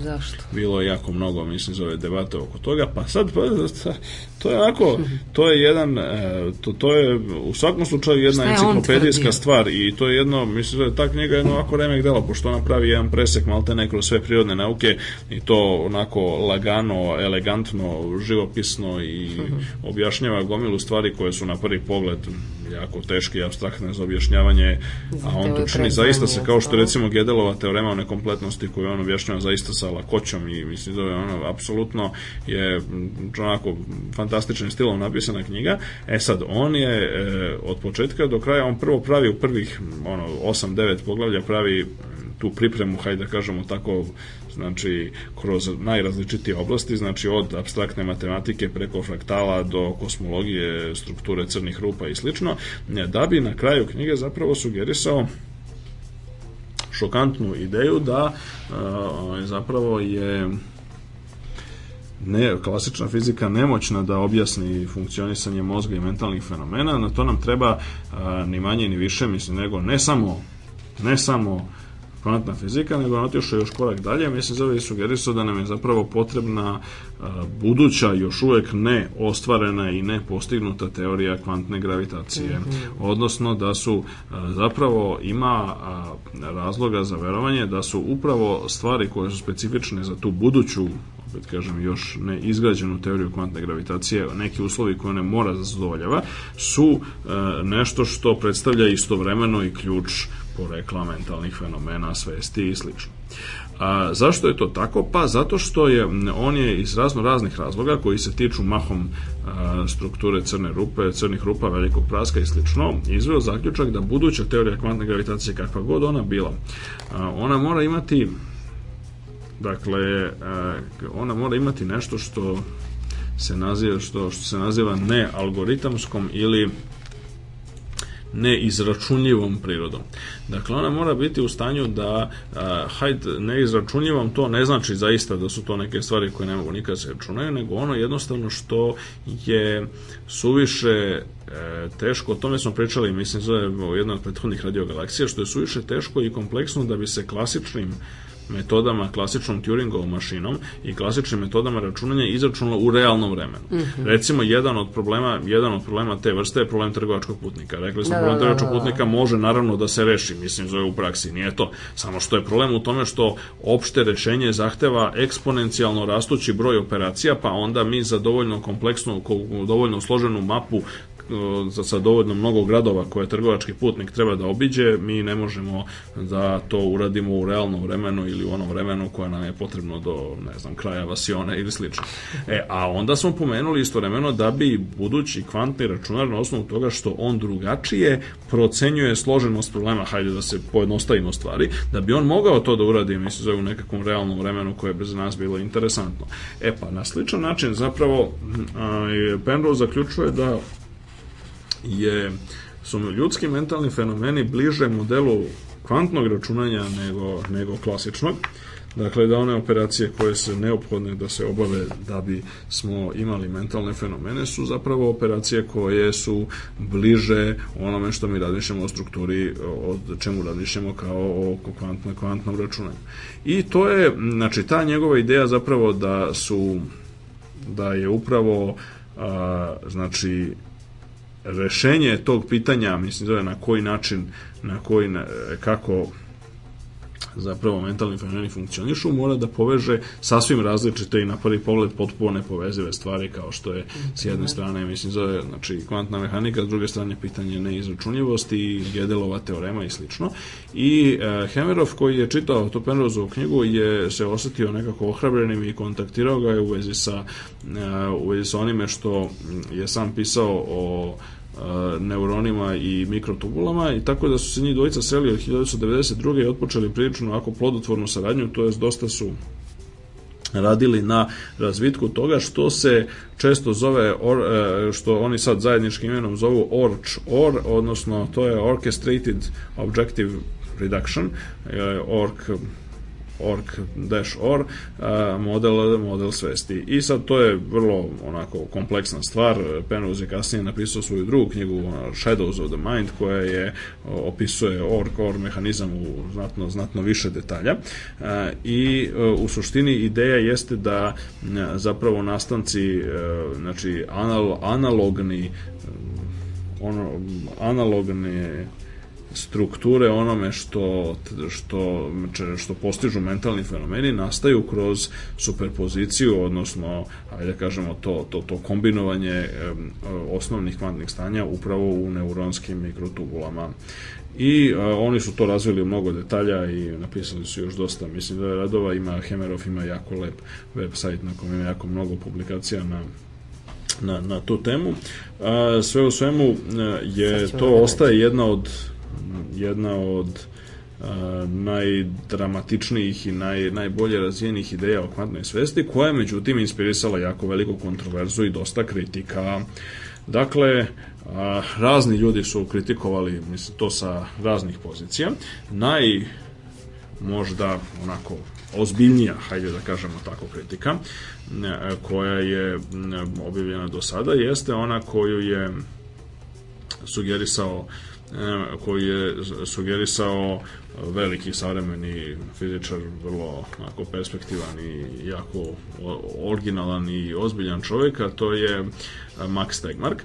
Znači, Max Tegmark je 2000. godine objavio rad u kome je u Physical Review, u uglednom časopisu, u kome je pokušavao da izračuna, mislim, zove kolika su, koliko dugo mogu da opstanu te kvantne kombinacije u a, mozgu, odnosno uslovima koji vladaju u mikrotubulama i on izračunao da bi one opstale svega nekih 10 na minus 13 sekunda, što je ekstremno kratko da bi imalo suviše kratko da bi imalo bilo kakvog realnog značaja za mentalne procese. I e, ono što je e, između ostalog zaključuje da eto oni klasični argumenti kao što su i dalje važeći, a to je da mi ne možemo da očekujemo značaj kvantno-mehaničkih procesa u uslovima na kojima je visoka temperatura, -hmm. gde ima, gde ima mnogo velikih molekula, gde su gde zapravo vlada jedan haotični šum koji je, se pojavljuje sa svih strana i to je ono što je zaista mislim, izazvalo taj Tegmar koji radi ponovo na neki način podstakao tu debatu zagovornici kvantnih ideja o kvantnom umu ili kvantnoj svesti su se naravno javili sa svojim odgovorima i recimo nema, između ostalog, mislim, zove jedna od, jedna od argumenta koji su Hemerov i njegovi saradnici, mislim, objavili nakon toga, jeste da zapravo postoje razlozi, postoje načini na koji se, na koji se u mikrotubule mogu biti izolovanije od uobičajene, znači koji su izolovanije od onoga što je nekakva srednja vrednost substance koja se nalazi u, u mozgu i na taj način da se dužina trajanja superpozicije može produžiti do recimo nivoa nanosekundi, što je već znatno, mislim zove što je već imalo velike posledice i moglo bi da bude mnogo plauzibilnije što se tiče objašnjenja mentalnih fenomena. Takođe su oni tvrdili da njihov, odnosno Penrose povlaka Hemerov model, odnosno Ork-Hor model nije isto ono, mislim, zove na čemu je, na, na osnovu čega je Tegmark izvukao zaključke, te u sve u svemu je to ostala velika kontroverza. Zato kažem da će ovo nedavno otkriće, mislim, zove neobično dugačkog trajanja superpozicije u fotosintezi, možda, mislim, zove ponovo oživeti ovu raspravu, zato što to može da sugeriše da postoje načini da se i u drugim visokotemperaturnim i haotičnim i inače ono, ispunjenim šumom sredinama da se takođe znači ostane i perzistira što, što bi rekli fizičari ta, te osobine mikrosveta.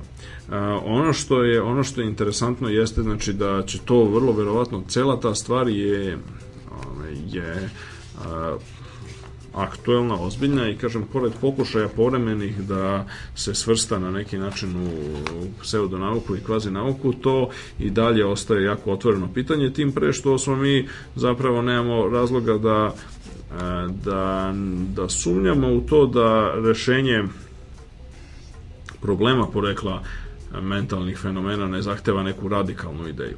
Recimo sam Tegmar koji je na primjer relativno konzervativan u ovom pogledu, znači u pogledu uh, uloge kvantnih mehaničkih fenomena u svesti je, na primjer, vrlo radikalan u nekim drugim pogledima. On sugeriše da zapravo između ostalog, mislim da između ostalog da bismo realno objasnili a, svet, u celinu, celinu sveta u kome živimo, nama je potreban nekakav mnogo veliki multiverzum, sličan onom matematičkom multiverzumu o kojoj smo govorili u jednom od prethodnih radiogalaksija. Te u tom smislu reči, sama činjenica već da na neki način taj problem odnosa materije i svesti traje već 400 godina u, novijoj, u, u svojoj novijoj verziji i činjenica da uprko strahovito velikoj aktivnosti i uprko stotinama knjiga napisanih tokom 20. veka mi se nismo realno primakli bliže, mi se zove znatno bliže za sada razrešenju tog problema, govori da kakvo god bilo rešenje, ono će morati da bude prilično radikalno i na neki način upoređujemo sa nekim drugim ponuđenim odgovorima ideja o tome da su zapravo da je razlog zašto su mentalni fenomeni toliko različiti od svega ostalog što, što nalazimo oko nas, e, da je to zbog uloge kvantne mehanike u njima, zapravo ta teza, bar meni lično i ne delo je pretarano radikalna više kad se uporedi, kad se stavi u kontekste dugačke istorije problema. Ali naravno, mislim, kažem opet, to je da. jedno, jednom je, ovde je poenta da izložimo e, ta te različita shvatanja o tome, ne da zauzimamo strane, a mhm. naravno ovaj, ima jako veliki, jako veliki resursi na tu temu, kogod mislim zove naj, uradi najelementarniju pretragu, mislim zove na to recimo, ne znam, quantum mind hypothesis ili mind mhm. body problem i tako dalje, mislim zove naći će jako mnogo resursa na ove teme, tako da, tako da stvar ostaje i dalje otvorena.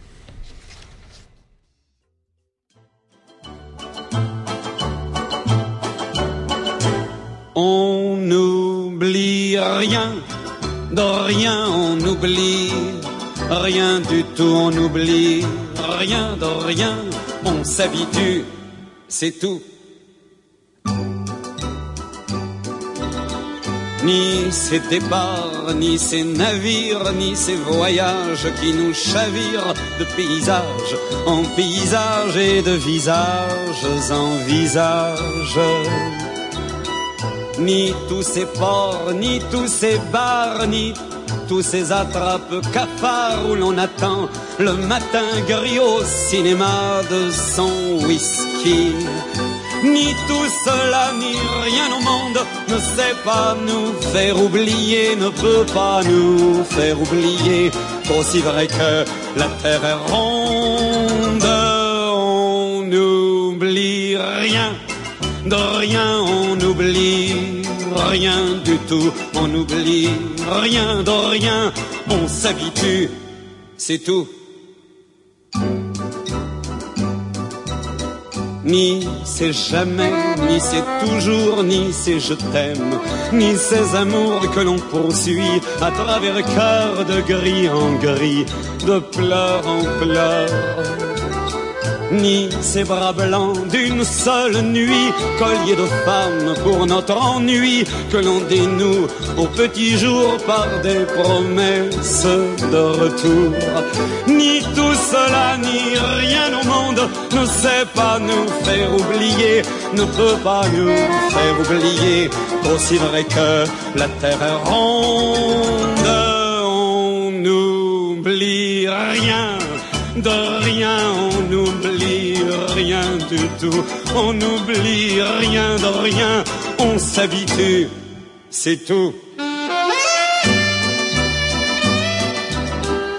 ni même ce temps où j'aurais fait mille chansons de mes regrets, ni même ce temps où mes souvenirs prendront mes rides pour un sourire, ni ce grand lit où mes remords ont rendez-vous avec la mort, ni ce grand lit que je souhaite à certains jours comme une fête. Ni tout cela, ni rien au monde ne sait pas nous faire oublier, ne peut pas nous faire oublier qu'aussi vrai que la terre est ronde,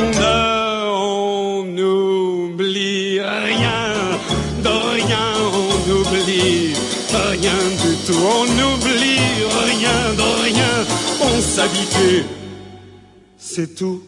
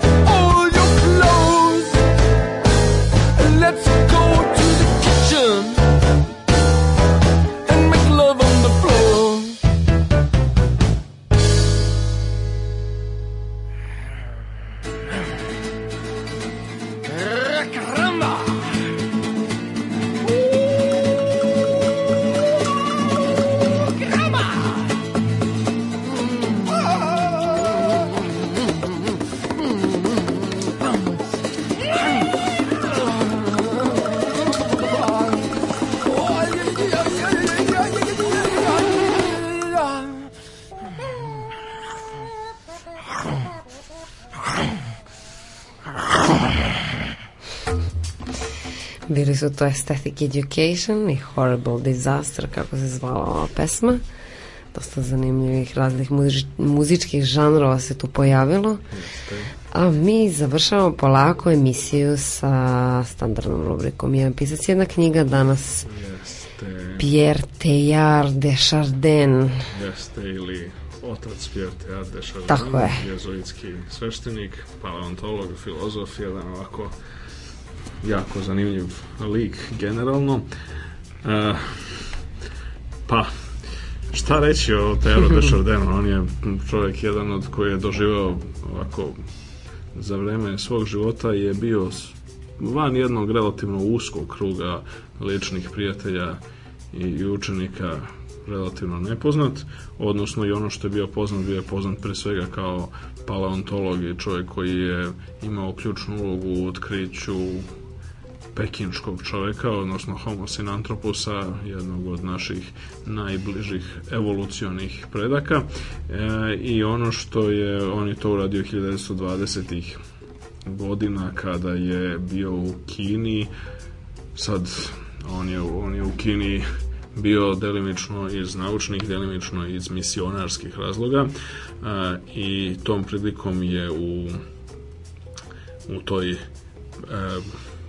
dolini, hajde tako da kažemo, mi se zove u Čukudjenu, e, je, je jako mnogo radio na iskopavanju fosilnih ostataka pekinškog čovjeka e, i sve u svemu je jako doprineo fizičkoj antropologiji, odnosno paleontologiji čoveka, napisao je nekoliko udžbenika na tu temu i to je uglavnom bilo najpozna, nešto po čemu je bio poznat. E, međutim, tek nakon njegove smrti se ispostavilo, a umro je 1955. godine, iste godine kada je Albert Einstein, a, dakle je nakon njegove smrti su objavljene njegova najznačajnija filozofska dela i od tada počinje njegova druga slava i jedna, jedna vrsta potpuno novog pogleda na, a, na Tejara de Chardena zato što su njegova značajna dela pored svega fenomen čoveka najpoznatiji, prevedeni i kod nas je su bila veoma interesantna, veoma značajna, na neki način i kontroverza zbog kojih je on bio prinuđen od strane svojih pretpostavljenih u rimokatoličkoj crkvi i u jezuitskom redu da ne objavljuje ništa tokom svog života, odnosno zbog čega je, su, su ona objavljena. Tek poslovno mu je dalo dodatnu dodat, dodatni značaj. Tako da se na neki način on je u savremenom svetu pa do nekle, mislim, zove čak i u okviru ovoga što smo pomalo podsmešljivo, ali i opravdano podsmešljivo nazvali New Age pokretima i on dobio, dož, dobio na značaju i sad naravno pored toga što je bio zloupotrebljavan za razne gluposti ovaj, i za, za razne te tako neke ovako ve- vesele i ovaj, ne baš mnogo smislene ne, New Age poglede na svet, on je ostavio jako veliki uticaj na na e, savremenu filozofiju i naročito na onaj deo savremene misli, filozofske, naučne i druge koji se odnosi na ono što se zove studije budućnosti, ono future studies, futurologiju i slično.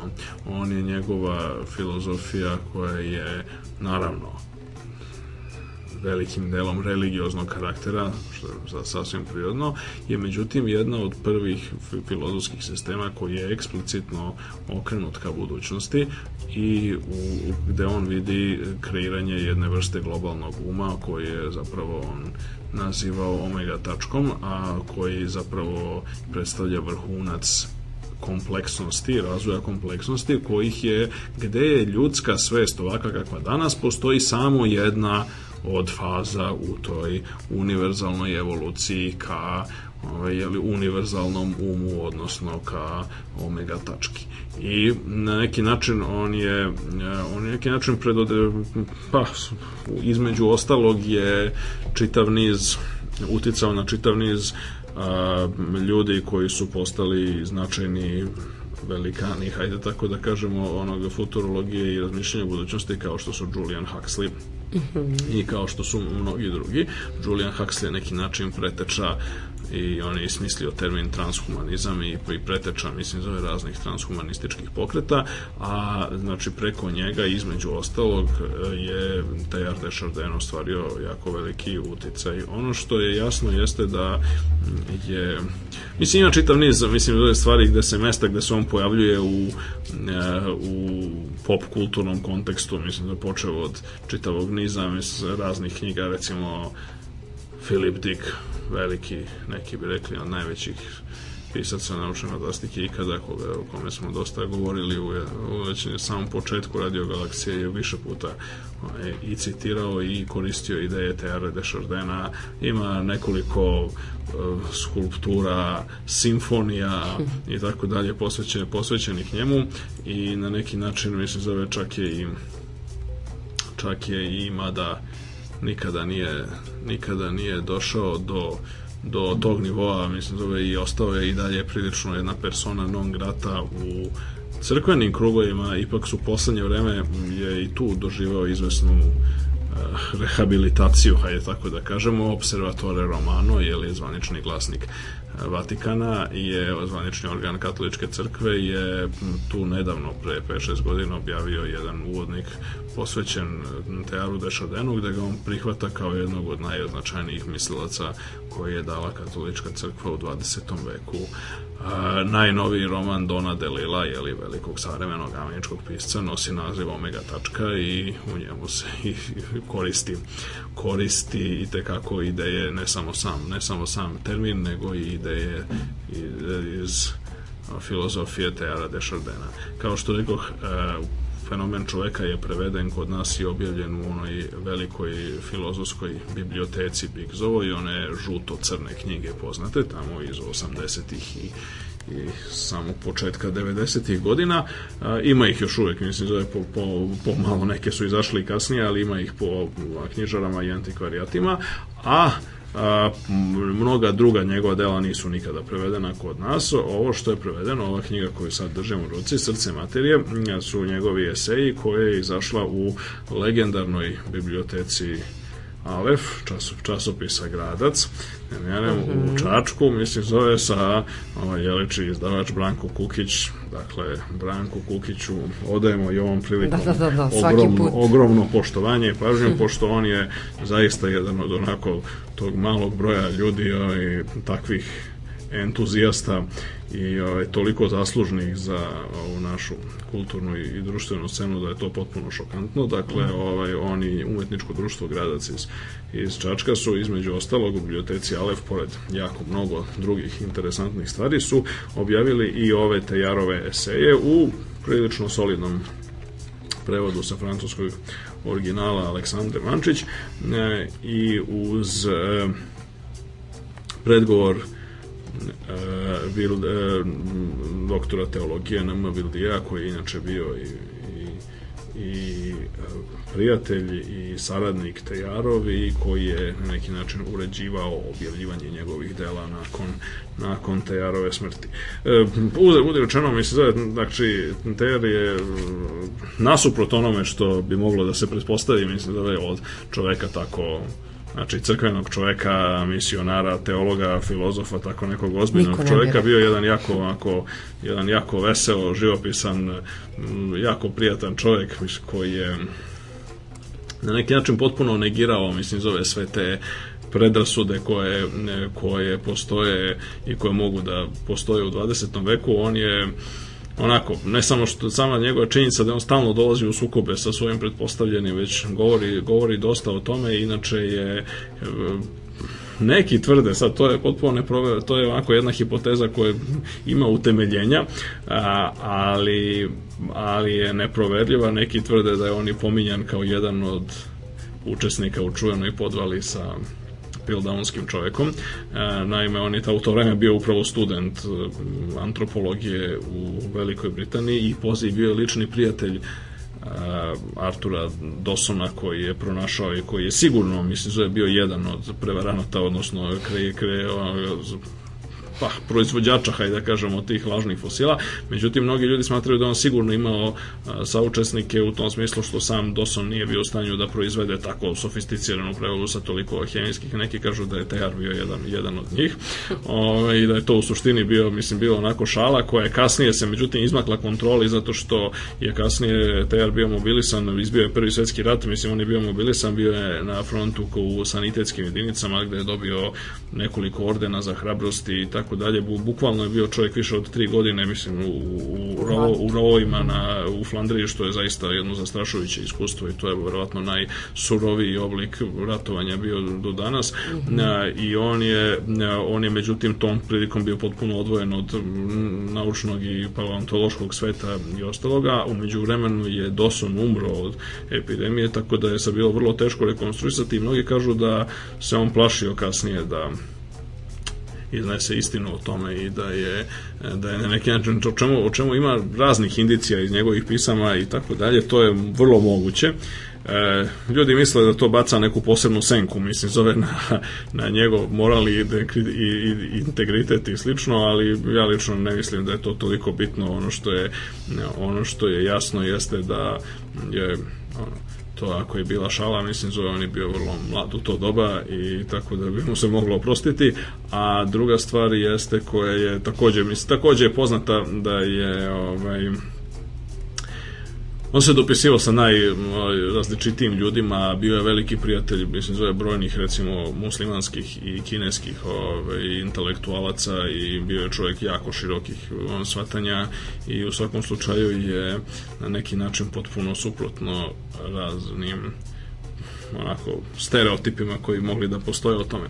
A, u e, ovoj knjizi Srce materije zapravo pa, on daje neku vrstu intelektualne autobiografije svoje, ali na način koji je onako i jezikom koji je za njega jako karakterističan, ako živopisnim, metaforičnim, onako sa nekakvim psihološkim e, uvidima koji su uvek zaogrnuti onako alegorijom, metaforom i slično. Tako da za sam kraj Može. jedan odlomak iz srca materije.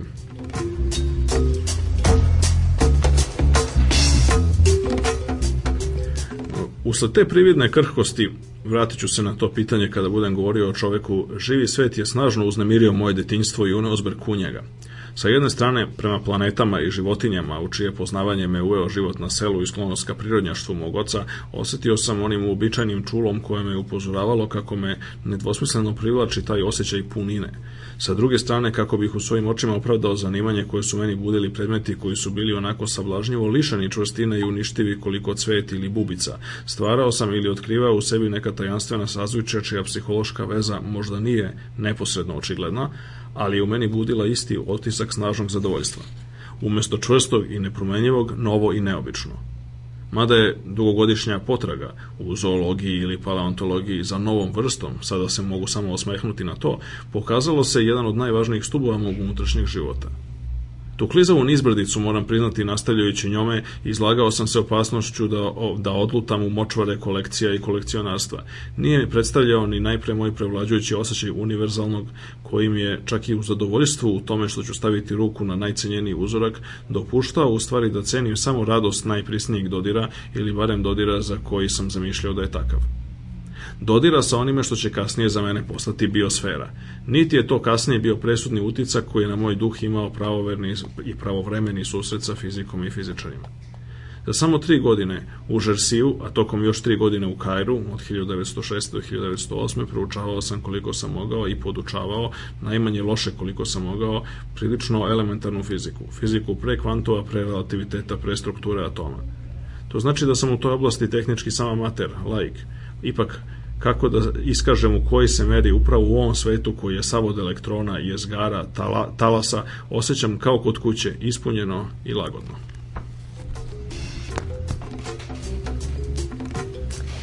E, pa poštovani slušalci, to bi bilo to za danas.